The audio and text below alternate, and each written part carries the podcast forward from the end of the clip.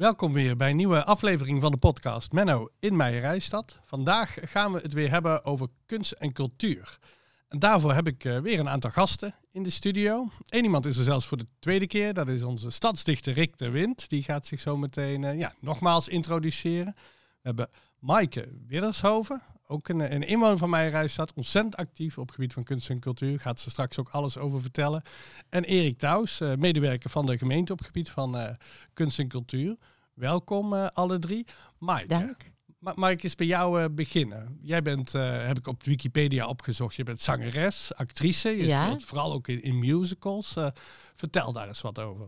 Um, ja, ik, ik ben opgeleid tot de zangeres op het conservatorium in Utrecht. Ik heb eerst lichte muziekzang gestudeerd, daarna klassiek. En um, theater is mijn liefde. Uh, nou, die grote musicals die doe ik eigenlijk sinds ik in uh, mijn reisstad woon. Uh, sinds vijf jaar niet meer. Want je woont, woont in, je mag in best het dorp zeggen. In Keldonk, in Keldonk. In het buitengebied. Okay. Ja, echt heel mooi, op een boerderij. En um, ja, ik heb ervoor gekozen om uh, steeds meer hier in Brabant uh, uh, dingen te ontwikkelen. En ja, dat is ook een droom van mij om ja, mooie dingen voor mensen te creëren. Ook voor mezelf. Maar ook hè, als je altijd op reis bent geweest met die grote producties. Dat je ook dicht bij huis leuke dingen kan doen. Dus um, ja, dus nu mooie kleine producties. En ja, mooie dingen ontwikkelen hier hè, in, het, in de omgeving. Daar gaan we dadelijk iets meer uh, van horen. Maar je hebt Ja. ook echt in, in grote musicals gespeeld, Ja, hele landelijk. grote. Ja, The Sound of Music, Maria uh, in 2002, uh, drie jaar lang. En, en um, in uh, 2014 ongeveer Moeder Overste. Uh, oh, dat is in, wel een flinke overschakeling. in The Sound of Music. ja, ja dat, maar ik noemde het promotie. Want uh, ja, Maria was natuurlijk maar een, een, nonnetje in het klooster wat net begon. En moederoverste kreeg, is toch een leidinggevende functie. Dus ik had promotie gemaakt ja, in die ja, tien jaar tijd. Ja, en heel veel meer musicals hoor. Ja, West Side Story, Phantom of the Opera, Elisabeth. Nou ja, heel veel mooie producties, mooie rollen mogen spelen. Veel van huis en, en veel van huis. Wat, wat dichter bij huis dan ja. ook in de projecten. Ja. Oké. Okay. Ja. Nou, even ter introductie dat. Uh, um, Rick de Wind, hè, onze stadsdichter. Jij bent voor de tweede keer in, uh, in de podcast. Waar, waar, ben jij de afgelopen periode zo al mee bezig geweest? Ja, ik uh, ging spontaan meedenken met oh, wat nu als je bereik vergroot. eh, dat je dan ook met heel veel plezier terugkeert naar, naar je omgeving. Ik mag daar nog steeds in bewegen. Maar ondertussen uh, ben ik ook bezig tot en met Maastricht, onlangs nog, vanuit het kanaaldichterschap. Ik vind het leuk om het nu te benoemen, dat, dat, dat stadsdichter, dat, dat, die titel, die, dat geeft vertrouwen, maar ook, ook een stukje waardering. Uh, maar dat stukje vertrouwen vind ik fijn. Ik heb me daarmee ook aangeschreven, of ingeschreven op de Schrijfsacademie in Antwerpen. En ben daar toegelaten naar heel veel rondes en zo. Dus ik ben daar ook druk mee.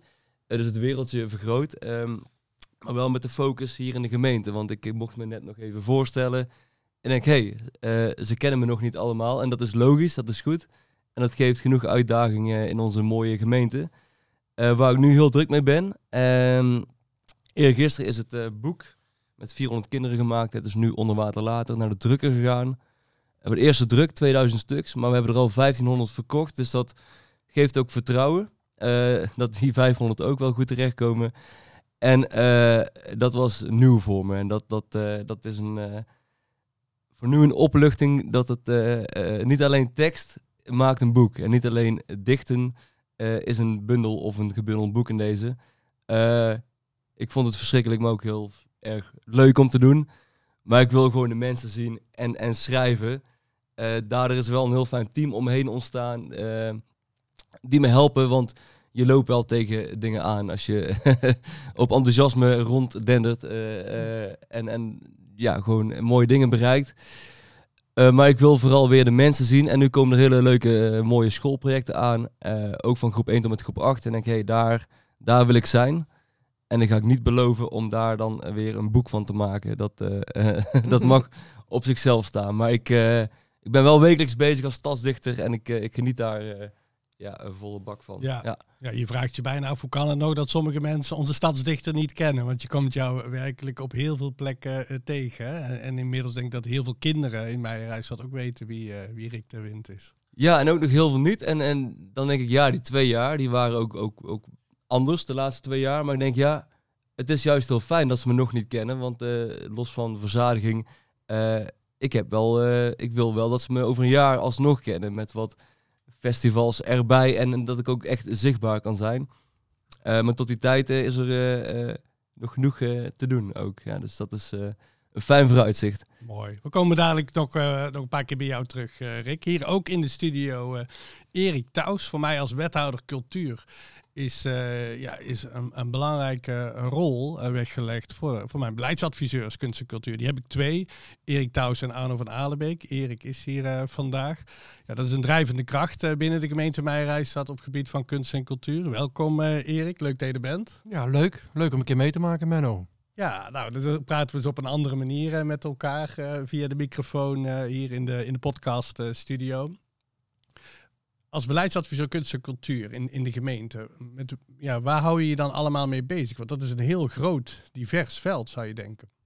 Ja, we hebben voor de podcast maar 30 minuten, dus dat is misschien wel wat kort. Maar als ik dan op hoofdlijnen mag Mhm. zeggen.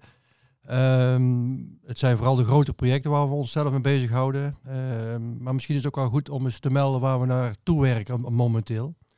Eh, we kunnen heel veel zeggen wat we in coronatijd gedaan hebben, maar waar we nu vooral mee bezig zijn is het volgende. Wij zijn ehm, de, de kunst- en cultuurnood aan het voorbereiden. Eh, dat is een nota die gaat lopen vanaf eh, 2022 en dan tot en met 2030. We hebben de raad op een vraag van, eh, zou dat een goede keuze zijn? En dat zijn we nu aan het voorbereiden. We gaan in november starten met gesprekken. Gesprekken met veld, gesprekken met instellingen, met verenigingen, maar ook inwoners. eh, ook raadsfracties. Iedereen die mee wil praten, die mag meepraten. Daar nodigen we iedereen vooruit. En dat zijn we op dit moment volop aan het voorbereiden. Dat is een heel groot project. Een ander project wat, wat we bijna gaan afronden, dat is eh, de verbouwing van ons raadhuis in Veghel. We hebben net het raadhuis Schijndel gehad. Daar hebben we de bibliotheek in mogen huisvesten, onze kunstcollectie met een heel mooi depot. En de volgende stap zal zijn dat we ergens, ik meen vrijdag 12 november, de opening gaan krijgen van het, eh, het eh, raadhuis in Veghel. Met een vernieuwde bibliotheek, eh, modern, eh, toegerust op deze tijd. En daar kijken we heel erg naar uit. Dat is een beetje twee grote projecten waar we nu mee bezig zijn. En het is, het is een heel breed scala wat je zegt, van, van amateurkunst naar ons theater, naar de bibliotheek, naar ook de kunstenaars die ook hier vandaag aan tafel zitten om eens te kijken met hun van welke projecten zijn, zij, zijn zij nu mee bezig en ook in de coronaperiode. Ja, indrukwekkend, mooi terrein. En eh, ja, ik ben heel blij dat ik op deze post eh, zit in mijn reisstad. Ja, je duikt meteen ook eh, goed de inhoud in, zo ken ik je. Ja. wat heb jij persoonlijk met kunst en cultuur? Want ja, je bent niet voor niets actief als ambtenaar in dat gebied. Dus ik denk dat je er persoonlijke affiniteit mee hebt. Ja, ik heb een verleden. Ik heb in, eh, ik ben in 82 eh, ben ik geslaagd voor wat, wat nu heet Pedagogische Academie. En toen, was het, eh, toen heette het anders. En daar had je ook nog hoofdactes. En eh, ik heb er twee. En één daarvan is eh teken- en handvaardigheid. Daar komt eigenlijk mijn liefde voor het vak vandaan. En daarnaast ben ik als vrijwilliger, ik ben, ik ben ook echt een vrijwilliger in mijn dorp. Ik woon niet in mijn reisstad, ik woon ergens anders, in, in Drunen. En daar heb ik altijd iets gedaan met kunst en cultuur. Ik ben een jaar of tien bestuurslid geweest voor Centrum voor de Kunsten. Een jaar of vijf, zes hard gewerkt om het voormalig Automuseum te verbouwen tot een vooral cultureel centrum. Dat heb ik altijd gedaan. Dus het heeft mij altijd geboeid, eh, omdat ik echt kunst en cultuur een, eh, ook een vak vind. Ja, het vloeit voort uit het verleden en eh, ja, ik ben heel blij dat ik het nu mag eh, bewerkstelligen als, als werk. En als je van je hobby werk kunt maken, dat is altijd goed, denk ik. Ja, ja, dat denk ik dat de mensen ook hier in de studio eh, kunnen beamen. Zeker. Ja, zeker. Ja, want eh, dat is dan de passie die Ja. spreekt eruit door, hè? Ja. Want als je naar het conservatorium gaat, hè, dat, eh, dat doe je vanuit een bepaalde passie, maar het is ook een Ja. stevige opleiding. Ja. Maar het is wel onzeker of je daarna ook echt eh, aan de bak Ja. kan, toch? Klopt. Ja, ik ben eh, een van de weinigen van mijn lichting die nog professioneel in het vak zitten en heel veel zijn omgeschoold, doen iets helemaal anders. Dus ja, ik mag wel van geluk spreken. Of ja, ik weet niet precies of dat een deel geluk is of een deel ook ja, echt eh, volharden in dat wat je wil en je op de juiste plek, eh juiste tijd zijn op dat moment. Ja, Ja, kan je die momenten in jouw carrière bij wijze van benoemen? Van nou, achteraf denk ik dat dat een heel belangrijk contact is geweest dat ik heb gehad of een keuze die ik heb gemaakt. Eh, ja, nou, ik, ik ging eigenlijk op het conservatorium, eh, eh, zat ik in het eh, derde jaar en toen kwam iemand naar mij toe en die zei, Maaike, ze gaan Phantom of the Opera doen en eh, dat is echt iets voor jou. En ik moest nog twee jaar, want toen was de opleiding nog vijf jaar. En ehm, toen dacht ik ook, ga gewoon auditie doen om te kijken wat ze van me vinden, want dan weet ik in ieder geval voor later, hè, als, ze dan, eh, als, ze dan echt, eh, als ik dan echt werk zoek, eh, ja, hoe ik, wa- waar ik in me, me in moet ontwikkelen. Dus toen deed ik auditie en eigenlijk, ik werd meteen aangenomen. En ik, ik was helemaal, ja, ik, hele, ik was zo verbaasd, want er waren allemaal vijfdejaars en eh, mensen die afgestudeerd al waren, die deden ook auditie, waren allemaal afgewezen. En ik dacht, hè? Maar, maar dit was wel mijn droom. Dus toen heb ik het, ja, toen heb ik het toch gedaan. Zeven voorstellingen in de week en naar school. En je studie daarnaast. Ja, en mijn studie. En het daar, ja, daarop, dat is gewoon, eh, ik wist, ik voelde, ik moet dit doen. Is ja, een kans, die eh, moet ik pakken. En eh, ja, zo ging het balletje eigenlijk verder rollen. En eh, ja, Dus toch een combinatie van, nou, misschien ook toeval dat iemand jou daarop wees dat, dat die auditie er was. ja, Jouw volhardendheid van, ik ga het wel doen. En ook, ja, dat je het ook hebt laten zien dat je het kan. ja, ja, klopt. En me blijven ontwikkelen ook. Dat vind ik ook heel leuk trouwens hoor. Ik hou ervan om, ja, om nieuwe dingen te maken, te creëren en mezelf te blijven ontwikkelen en te prikkelen om eh, ja, weer iets moois neer te zetten voor de mensen. Ja, En voor mezelf daardoor ook, hè, want ik geniet eh, dubbel en dwars als eh, mensen genieten. Dus Ja. ja. mooi. Ja. Rick, jij bent eigenlijk, misschien een- mag ik dat een zij-instromer noemen? Want je, je, je bent wat later, is, is de, de poëzie eh, Ja. op jouw pad gekomen. Ik wil ook vragen, dat, dat auditie, dat, dat, oh, eh, ehm, word je daar eh, ook op, op voorbereid? Want niet iedereen krijgt ja te horen wat je, wat je al eh, aangaf. Nee, op school helemaal niet. Want het is gewoon een, een soort van, geen toewijzing, is een afwijzing. Ja, ja, Ja. het is heel. Ik vind het nog steeds een afschuwelijk moment als je auditie moet doen. Want het is zo'n momentopname. En, en ik, ja, ik geef ondertussen wel auditietrainingen. En dan zit ik vooral op het mentale stuk. Want ja, je, je raakt helemaal eh, in- je zenuwachtig en in de stress. En ook iedereen om je heen eh, die daar is. Dus er is wel een. eh, Eigenlijk een vak apart. Ja, want ik vraag het ook, want ik, ben, ik, ik stroom eh weet je, zijwaarts in en dan wel mee met, met de, de goede richting, denk ik. Ehm, maar ik ben totaal onvoorbereid op, op eh, eh, soms wat er komen gaat. En dan overkomt het me ten goede. Ehm, een stukje onbevangenheid, wat ook wel, wel prettig is. Maar ik was wel benieuwd of jullie daar wel op voor eh, eh, zijn bereid. Maar je moet het soms ook gewoon doen. Dat, dat is het Ja. ook. Ja, in het begin was ik heel erg onbevangen. Nu eh, denk ik de hele tijd ook, ik heb iets te bewijzen. En die mensen kennen mij al lang. Waarom moet ik nou weer zingen? En dan word je extra zenuwachtig, want dan heb je toch een soort druk. Maar aan de andere kant, als het weer rollen zijn waarvan ik denk, daar ga ik voor. En dan bereid ik mezelf heel goed voor. En ik probeer mezelf goed te focussen en volledig in het moment te staan. Ja, dan, dan, dan eh, eh, lukt het. En dan voel ik vaak ook wel, ik heb hem. Ook al doen er 50 anderen van mij auditie, dan sta ik buiten en denk ik, ja, dit, dit was het. En dan, en dan uiteindelijk ben ik het dan ook geworden. Ja, het, het, het klinkt heel stom, maar ik weet ook wanneer ik het niet ben en dat is veel vaker. Ja. Maar die keren dat je het bent, yes. Ja, want inderdaad, het is eh, dat, dat eh, een stukje cultuur. Ik, ik leer dat kennen, al wel al eh, wat jaren. Maar eh, je hebt een stukje vraag en aanbod. En, en dan denk je, de mensen weten wat ik te bieden heb. Ja. Maar dan word ik nu gevraagd of, of moet ik me ook aanbieden? En daar waar ik me aanbied, zeggen ze, "Oh, wil je dat echt? Zeg maar. En dan denk ik, ja, maar dan had je het ook kunnen vragen. En, en dat, dat spel, ik ben zelf, ik werk in de, in de aannemerij. Ehm, vooral grondweg en waterbouw gerelateerd. Daar zijn die regels heel makkelijk. Je hebt iemand een, een opdrachtgever. Ja. En dan heb je potentiële aannemers, zeg maar. En, Ja. en, en dat is een heel duidelijk spel. En binnen cultuur zijn dat wel fijn, maar zijn die lijnen totaal niet zichtbaar. Terwijl je wel vooral de mensen moet kennen, de goede mensen. Eh, en ik, ik benoem het zelf, ik, ik, eh, vooral eh, Lisa, mijn vriendin, die, die, die opent de deuren mee. Die komen op parkier te staan. Ik dender die deur door. En er staan fijne mensen achter. Dan maken we een, een project of iets moois mee.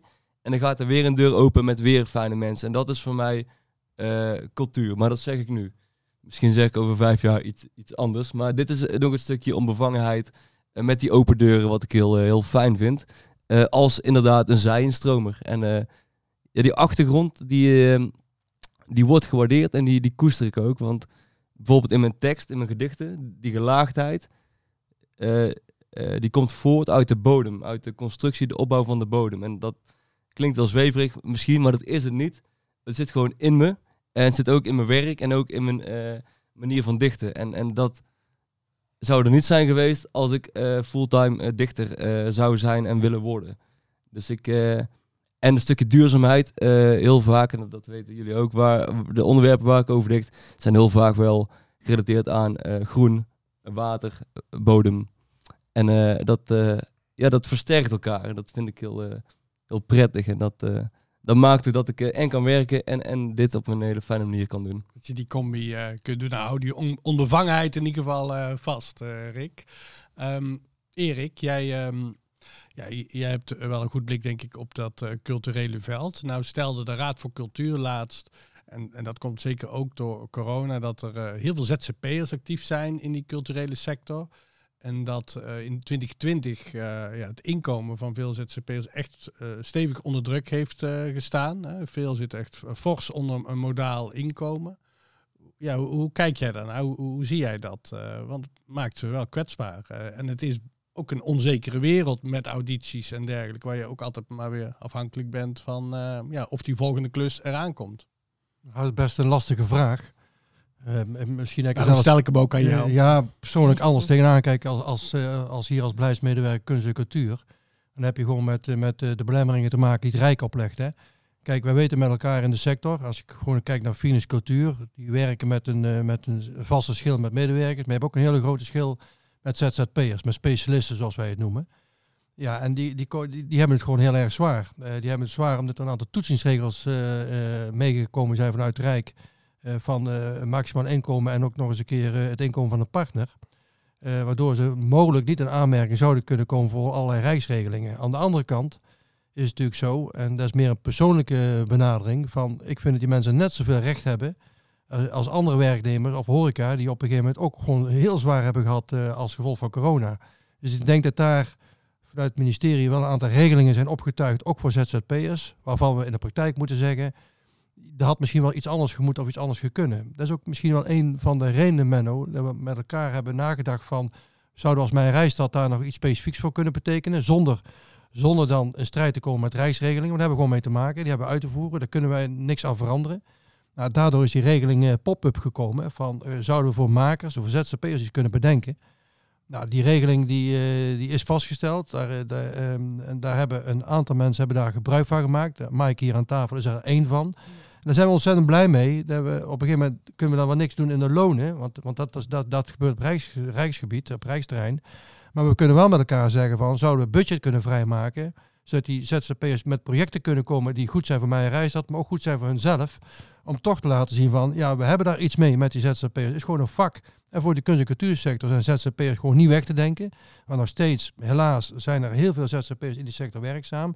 Nou, zo hebben wij dat daar tegenaan gekeken. Zo kijk ik er tegenaan. En ja, ik ben wel heel erg blij dat ik met jou samen, maar ook met het college, deze regeling heb mogen maken. Om toch te kijken wat zoiets voor mijn reis had kunnen betekenen. En voor, die, voor dat individu, ja, die het gewoon heel zwaar heeft in coronaperiode. Ja, is dat voor jou herkenbaar, Mike? Want je zei veel uh, oud-studenten waar, waar, je mee afgestudeerd bent, die zijn omgeschoold, zijn iets anders gaan doen. Dat heeft misschien ook daarmee te maken met de onzekerheid in de sector. Ja, het, is sowieso, weet je al vanaf het begin uh, van uh, je gaat een onzeker beroep uitoefenen. Um, nou, ja, is, was mijn pad tot aan corona redelijk duidelijk voor mij. En ook, uh, ja, ik, ik, eh, de mensen vinden het, hè, die vaste banen hebben, vinden het onzeker. Maar voor mij, ja, voor, en mijn man, want die is ook ZZP'er, is dat altijd, uh, ja, ja je, het is hoog vliegen en laag vliegen. En daartussenin zit van alles, maar dan blijven we altijd bezig. Eigenlijk het ondernemen. Het geeft ook ruimte en flexibiliteit. Ja, daar houden wij van. Ja. Uh, alleen met corona was het echt wel, hè, die eerste drie maanden dacht je nog van nou, mooi weer en uh, we zitten op ons eilandje op de boerderij, lekker in de tuin werken. Um, en, toen, eh, en toen bleef het maar eh, hè, stil. Ja, dan, dan zit je ook met z'n tweeën van, nou, eh, er moet wel iets gaan gebeuren nu, want eh, ja, dit redden wij niet. En eh, gelukkig hadden wij spaargeld, omdat we aan het verbouwen, tenminste we hadden een verbouwingsplan. en dat eh, ja, dat is helemaal stil komen te liggen. En dat spaargeld daarvoor hebben we gebruikt om te overleven. En natuurlijk de Tozo aangeschreven, in mijn reisstad ook. En ehm, ja, eh, en ik ben heel blij natuurlijk toen eenmaal eh, de subsidieregeling kwam voor eh gedupeerden, of tenminste me- mensen uit de culturele sector die eh, het nodig hadden en die mooie projecten hadden. Toen heb ik eigenlijk meteen, want ik had alles al klaar liggen. Ik had het al, het gaat dan over de muzikale mythische wandeling. Dat had ik al helemaal in mijn hoofd gemaakt in oktober. En ehm, alleen ik was net iets te laat met het uitvoeren ervan, want het werd slechter weer. En ik dacht, ja, oh, en toen kwam die lockdown, eigenlijk werd steeds strenger. En ik dacht, ja, misschien is nu niet de tijd. En toen eh, met die subsidieregeling dacht ik, ja, ik ga, er, ik ga erop inschrijven. Want, eh, en ik had nog meer. eh, ik had drie dingen eigenlijk. Twee heb ik er geloof ik ingeleverd. En die muzikale wandeling, daar werd ik eigenlijk meteen door gebeld. Nou, vertel daar eens over, Mike. Een, een muzikale, mythische wa- wandeling. wandeling, ik kan ja. me voorstellen dat niet iedereen meteen weet van, oh, dat Nee, gaat nee. daarover. Nee, inmiddels zijn er wel al best wel veel mensen die mee hebben gelopen. Heel leuk. En d- eh, hierbij nodig ik eh, jullie ook uit eh, om een keer mee te lopen. Maar ehm, nee, ik woon aan het Lijnd en we wonen bij het bos. En ja, er, is daar, er zijn er heel veel verhalen. Eh, er is natuurlijk de grafheuvel. Eh, de galg en de rat hebben daar gestaan eh, in de middeleeuwen. De grafheuvel komt natuurlijk uit de prehistorie. Maar ook verhalen over Mie de Heks. Zijn allemaal opgeschreven door een pastoor uit Zijtaart. Het is allemaal heel mooi terug te vinden op internet. En ehm, natuurlijk ook de verhalen over eh, het gebied zelf, het ontginnen van het gebied. Het was vroeger heide, eh, het bos was productiebos. Nou, ik heb zo al van alles verzameld eh, en eh, daar heb ik, ja, eh, ik dacht, wat vind ik nou fijn? Eh, eh, een aantal dingen dus samengevoegd. Het wandelen, dus het bewegen. Het samenkomen, het verbinden van mensen en mensen die ook heel lang thuis hebben gezeten. En, ehm, en dan de cultuur, dus wat kan ik goed? Ja, dat is zingen en vertellen. En ehm daar heb ik drie stops op die wandeling. We wandelen in totaal ongeveer 2,4 kilometer, zoiets. En dan drie stops waarin ik vertel en zing. En En, je eh, acteert dan ook? Ben je helemaal verkleed? Nee, Of- ik ben gewoon mezelf. Gewoon Ja, ik ben jezelf. Je bent mezelf. niet als, als die heks Nee. die daar ooit... Nee, nee, maar ik heb wel een familie gehad die wilde meewandelen. En eh, die zeiden, oh, we willen meewandelen. En eh, nou ja, ze hadden al van mij een beetje gehoord hoe het zat. En die hadden toen een nichtje gevraagd om eh, dan eh, eh, als heks verkleed te gaan. ehm, eh, tijdens die eh, familiewandeling. Dus dat was echt heel, heel grappig. Ehm, nee, maar ja, het, het, de fan- fantasie gaat sowieso al werken van die mensen. En heel veel weten het niet. Ook mensen die eh, ja, uit het dorp komen of uit Veghel. En die zeggen dan, ja, we hebben wel eens gehoord van een heks of zo, maar eh, ja, verder echt geen idee wat er in hun achtertuin eigenlijk, hè, eh, wat voor mooie verhalen er zijn. Het zijn in die zin historische verhalen die je dan vertelt en, Ja. en misschien ook liedjes over zingt. Maar ze zijn, eh, je, hebt, je hebt ze ook echt historisch onderzocht of het zo is gegaan? Of, of heb je ze wat geromantiseerd? Of? Nee, ze zijn er wel eh, bijna letterlijk uit eh, van internet geplukt. Ja, oké. Ze zijn lastig te vinden, want je moet echt gaan graven. Ja. Maar ehm, ja, en de liedjes die zijn, die hebben niet zozeer hè, eh, eh, van dat is specifiek over een heks, maar wel de sfeer van vroeger. Of eh, nou ja, Galg en, Ga- Galg het openbaar recht werd vroeger daar gesproken. Hè, en eh, nou, er werden mensen gewoon opgehangen als ze iets fout hadden gedaan. En dan zeg ik bijvoorbeeld van ja, bijna alle misdaad komt voort uit een gebrek aan liefde. Of misschien te veel liefde. Of het heeft altijd te maken met, met dat soort zaken. En dan zing ik een lied. eh, ja, wat daarmee eh, gerelateerd, wat, Ah. wat daaraan gerelateerd is. Eh, veel uit de kleinkunst. Oké. Ja. Je wilt natuurlijk niet te veel verraden, want mensen die... die Nee, willen- en, ja. nee, en ik, ja, ik doe wandelen het hele jaar door. Nu voor, nog alleen voor groepsuitjes. En dan kan iedereen gewoon ehm, zich melden en kunnen we samen een datum eh, maken. Van wanneer kan jij, wa- wanneer kunnen jullie, wanneer kan ik. En vanaf 27 maart eh, weer eh, ja, echte wandelingen waarop iedereen zich kan inschrijven. Geen speciale Halloween-editie? eh, nee, geen Halloween-editie. oktober? Nee. Ik kan me zo maar iets bij voorstellen. Ja, dat had gekund. Ja, er is wel een eh, fietstocht, geloof ik, maar die is niet door mij georganiseerd hoor. Door de bossen van eh, het Lijnt ook. Ja. Zo'n Halloween, ja. Hey, eh, Rick, jij ehm, eh, je vertelde al kort iets eh, over het boek Onderwater Later Ja. met, eh, met de kinderen. Kan je daar eens wat meer over vertellen? Hoe, hoe dat ontstaan is, het idee en wie er allemaal nog meer aan, aan bijdragen? Ja, wat er, eh, eh, ehm, ja, hoe het ontstaan is, is eh, ehm, Week van de Poëzie 2020. Eigenlijk nog net wel voor dat we bewust waren van wat er aan zou komen. Dus, dus echt januari 2020. En ben ik een week lang in die week eh, naar 15 basisschoolklassen geweest. En ik kwam daar binnen. Ik heb ze beloofd schrijver van ze te maken. Dus dat ze een boek zouden schrijven. In ieder geval input zouden leveren. Ehm, ik heb ze leren voordragen en ik heb wat, wat, wat eh, werk van me eh, daar ook voorgedragen. Ik denk dat hebben ze nodig, maar dat bleek niet het geval. En wat ik kwam halen was eh, het vermogen om als kind te kunnen denken, wat ze natuurlijk perfect kunnen. Dus dat had ik uiteindelijk 400 keer. Ehm, maar ze bleken zich vooral heel bewust van zichzelf. Ze stonden binnen een kwartier het vers geschreven stuk voor te dragen met een mooie houding. Ze bleken zich ook heel bewust van hun omgeving. Ehm, maar we doken onder water bij binnenkomst. Elke klas eh, koos een onderwaterdier die ze zelf verzonnen. Dan krijg je een Appie de Garnaal, dan krijg je een Coco de kogelvis, dan krijg je een Ernie de goudvis. En ehm, uiteindelijk had ik dus 15 onderwaterdieren, die hebben we nog.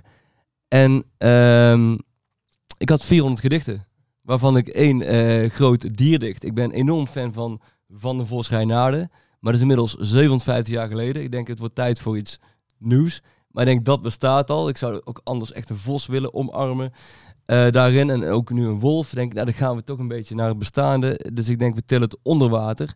Met die gedachte dat ehm, het, het thema was de toekomst is nu. En toen heb ik al gedacht, ja, maar het gedrag hier, als het de toekomst nu is, dan is het onder water later. En zo kwam eigenlijk het thema en de titel van het boek tezamen. Maar dan heb ik nog steeds eh, 400 losse gedichten die eh, één eh, groot dierdicht mochten worden. Eh, en wat bleek, elk kind ging schrijven, maar een ander kind die gaf uiting met pen of potloden aan papier door middel van tekeningen. Ja. En toen dacht ik, dit vraagt om een, een illustrator die hetzelfde gaat doen als wat ik ga doen, met input van die tekeningen er daar een soort van tekening van te maken, ehm, waar ook het, het kind zich in kan herkennen, want zo heb ik het bedoeld. Eh, die ook gevonden en eh, zo een heel, leerzaam traject ingegaan, maar een jaar met die gedichten gestoeid. En eh, ik denk drie kwart jaar geleden had ik het opeens. Ik denk, hoe kan ik die 400 gedichten, die 15 dieren, aan elkaar dichten, letterlijk. Ehm, kleine uitstap. ehm, Midden-Amerika geweest, zes jaar geleden.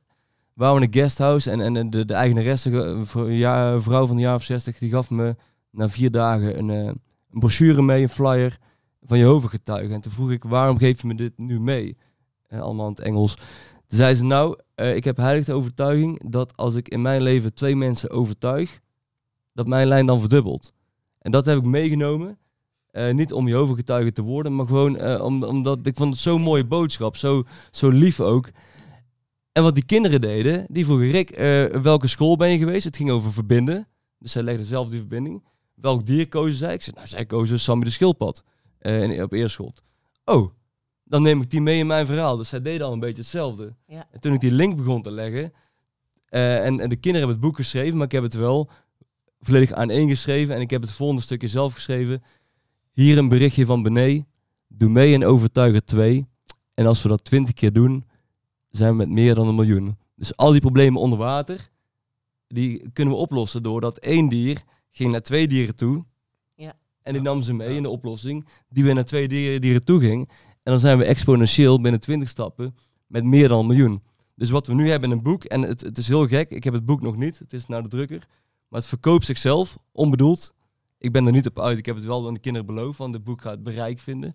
Ik wil met meer bereik meer bereiken. Maar het is bewustwording van de, de, de huidige generatie, terwijl zij ons letterlijk aanspreken met wat zijn jullie aan het doen. Ze zijn bijvoorbeeld niet tegen plastic, maar wel tegen verkeerd gebruik ervan of geen hergebruik. Er zijn hele mooie boodschappen daarin.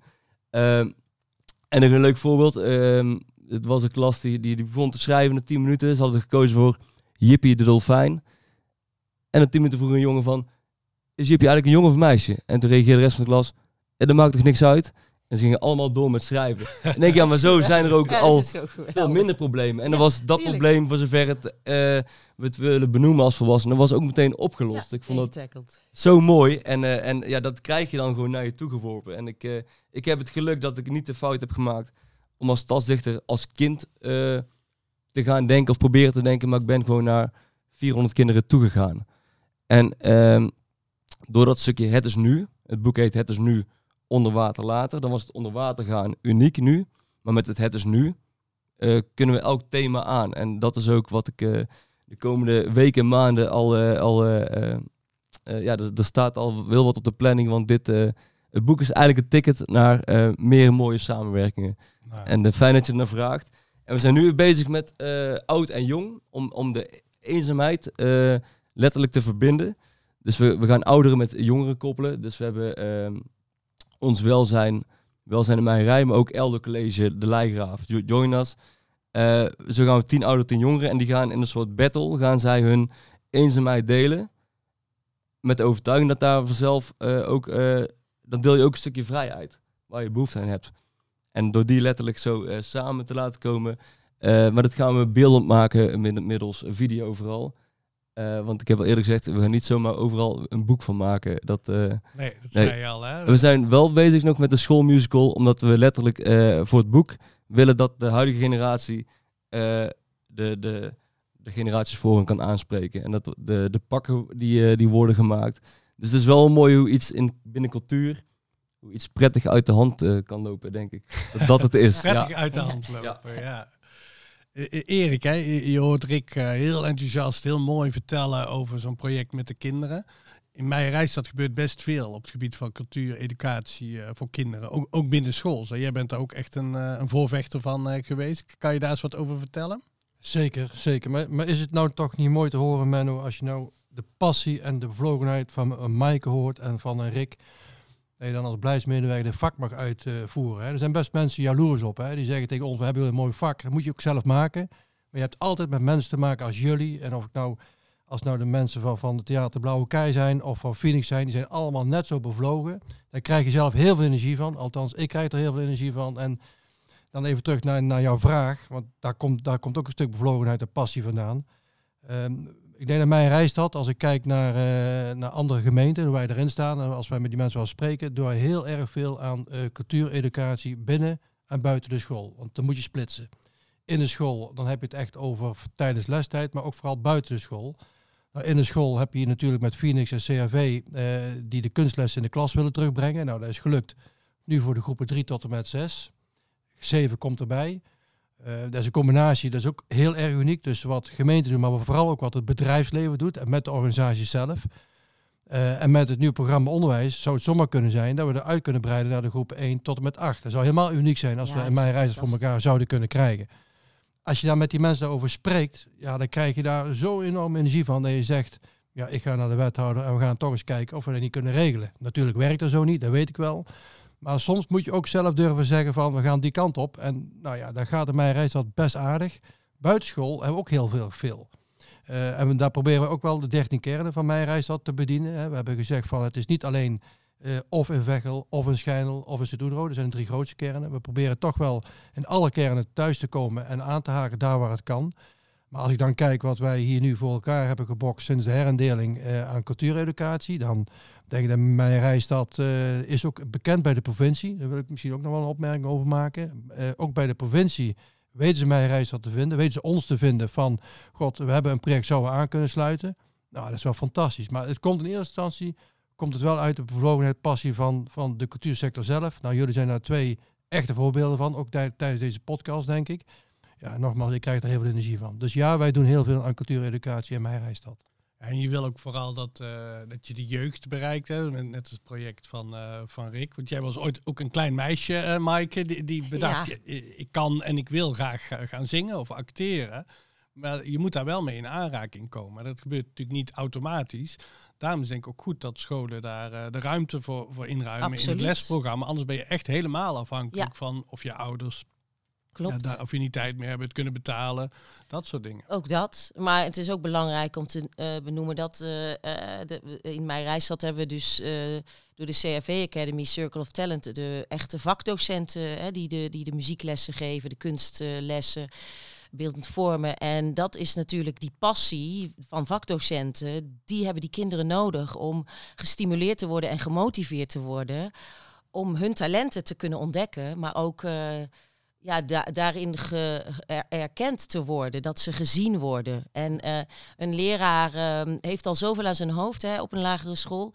En als ze dan van vakdocenten die kinderen les krijgen, ja, dan, dan ja, dat is fantastisch. En eh, ik ben ook heel blij dat ik, dat ik ambassadeur ben van, eh, van de CRV Academy. En dat ik daarmee ook een beetje een steentje kan bijdragen ook aan, ehm, ja, aan de kinderen in mijn reisstad. En mijn dochter is ook een van die kinderen. Dus eh, ja, dat, dat is fantastisch als je ziet eh, wat er allemaal gedaan wordt. En daar zijn, daar zijn we in, hier eh, uniek in. Echt. Kan, je, kan je nog herinneren dat je zelf als schoolkind eh, daarmee in aanraking kwam? Bij van bij de eindmusical dat je dacht, nou, die vond ik heel leuk in groep 8, maar die wil ik eigenlijk ieder jaar wel een aantal keer doen. Nee, wij hadden geen eindmusical, maar we hadden wel muziekles op de lagere school. En eh, ik, ik werd heel erg gezien als eh, dat meisje wat altijd zong en goed kon zingen. Dus ik kreeg altijd een tien voor zingen. En dan moest ik altijd alle klassen af. En in het begin, ja, dan, ja, dan werd ik gewoon echt op pad gestuurd. En dan vond ik, ik was een heel verlegen meisje, echt heel verlegen. Maar als ik zong, viel alles van me af. Dus dan ging ik al die klassen af en op een gegeven moment had ik dan eh, drie backing vocals eh, geregeld. En dan, eh, en dan maakte ik van die kleine optredetjes en dan mocht ik inderdaad ja, leuk langs die klassen en bloeide ik helemaal op. En dat, ja, daar ben ik eigenlijk altijd gaan doen. Als ik zing, dan vergeet ik. ja, nu ben ik inmiddels niet meer zo verlegen hoor, maar, maar toen dus wel. En dan, dan vergeet je dat. En ja, hoe mooi is het als je een kind zoiets kan eh, meegeven. Iemand die, die in zijn schulp zit. En die door middel van dat talent wat dan aangeboord wordt eruit komt. Nou ja, dat is ook bij jou, eh, Rick. Hè? Dat, dat je ziet dan hoe dat kinderen in één keer gaan vliegen. En vleugels krijgen. Ja, dat is hetzelfde natuurlijk. Maar goed. De, dus dat, eh, ja, jullie begrijpen wat ik bedoel. Dat is, Ja. dat is het mooiste wat er is. Maar dat is wel leuk, want ik was totaal niet verlegen. eh, toen ook niet. Maar ik, eh, ik kon niks. eh, waarvan Dat ik wil je zeggen. althans. Ja, ja, ik, ja, voetballen zeg maar. Dat, dat ging prima. Eh, en ik, had- ik had maar uiteindelijk een heel eh, stukje basisschool. Eén uur eh, van de stagiair uit Veghel toen de tijd. eh, poëzie gehad of iets met gedichten. En dat, dat was genoeg om het eh, te doen aanwakkeren. Eh, maar misschien te weinig om, om je daarin uitgedaagd te voelen. Ehm, dus ik wil dat ook, ook bieden. Eigenlijk wat, wat, wat, wat je ook, ook schetst. En de gemeente Mijn Rijstad die geeft daar eh, alle ruimte toe. De gemeente zelf, maar ook heel veel fijne, goede mensen binnen de gemeente. En dat is eh, heel prettig werken. Dat, eh, ja, want we moeten wel uiteindelijk die kinderen aanspreken. En, en, Ja. en die focus ligt daar ook. En dat is fantastisch. Ja. Nou, dan vind ik een hele mooie afsluiter van jou, Rick. Mooie laatste zinnen. Ik wil jullie eh, alle drie heel erg bedanken voor de komst eh, in, eh, in deze uitzending van de podcast Menno in mijn reisstad. En aan de luisteraar, bedankt voor het luisteren en tot de volgende uitzending weer.